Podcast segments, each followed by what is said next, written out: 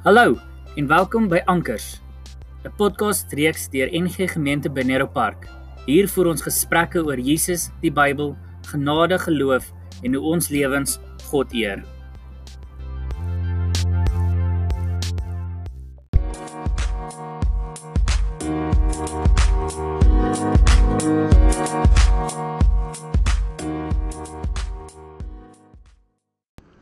Goeiemôre. Ons is by Dinsdag die 11de Augustus.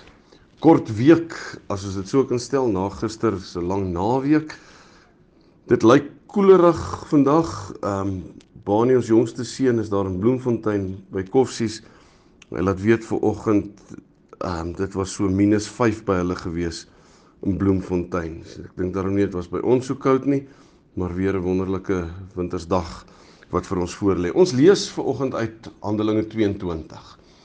As ons kyk na die aanhef of die begin van hoofstuk 22 daarby vers 1, Paulus is besig om homself te verweer voor die Joodse raad en hierdie ouens en hy sê broers en vaders, luister na my verdediging teenoor julle oor hierdie saak.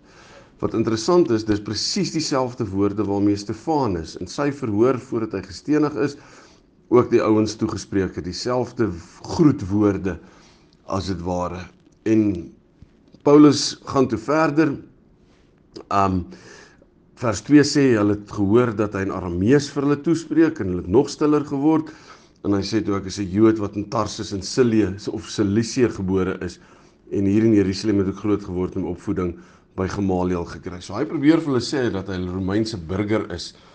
En dan toe hulle net voordat hulle hom wou gesel want dit was 'n manier gewees in die antieke tyd om die waarheid uit ouens uit te kry.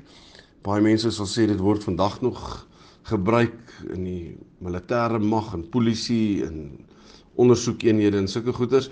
Um maar net voordat hulle hom gesel toe vra hy, maar hoor jy, weet julle ek is Romeinse burger.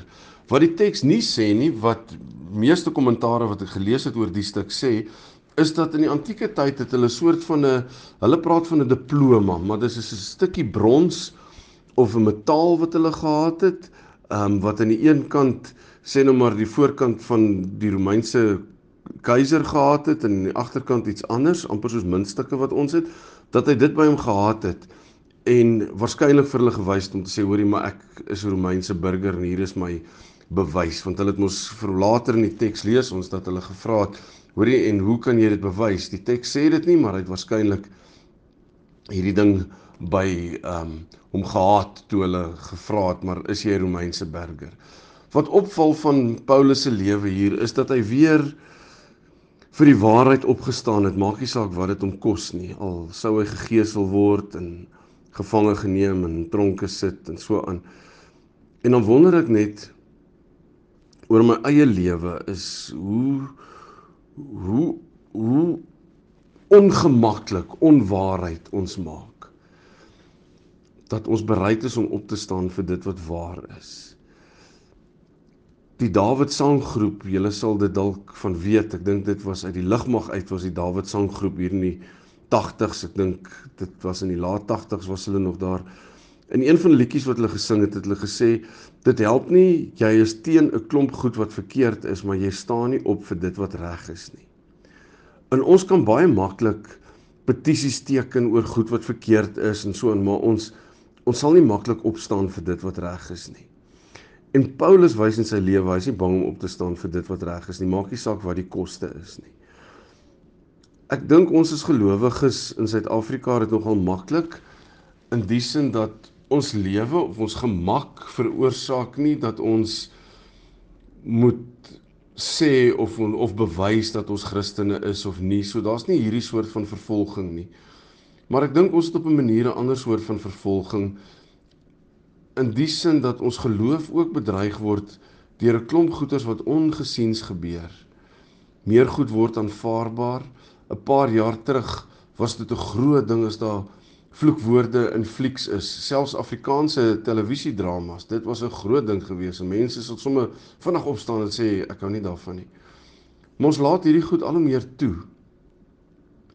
Ek wonder wat sou Paulus gedoen het. Sou hy opgestaan het daarteen of sal ons maar net soort van maar net ons ore en ons oë toemaak en aangaan. Ek dink hierdie hoofstuk toe ek dit weer lees vir oggend daag my uit om te sê dit help nie ek sê op al die platforms dat ek is teen of of ehm um, ek hou nie van 'n klomp goeters nie, maar ek staan nie op vir dit wat reg is nie. Ek dink ons as gelowiges in Suid-Afrika ook veral nou word uitgedaag om op te staan vir dit wat reg is. Ehm um, dat ons uitgesproke daaroor sal wees. Paulus was uitgesproke oor sy verhouding met Jesus Christus. Dit het 'n groot merk in sy lewe gemaak dat Jesus hom op die naam geroep het. En elkeen van ons is as gelowiges op die naam geroep om op te staan vir dit wat reg is, maar ook om op te staan vir dit wat verkeerd is. Om ons uit te spreek daarteenoor. So kom ons onthou dit.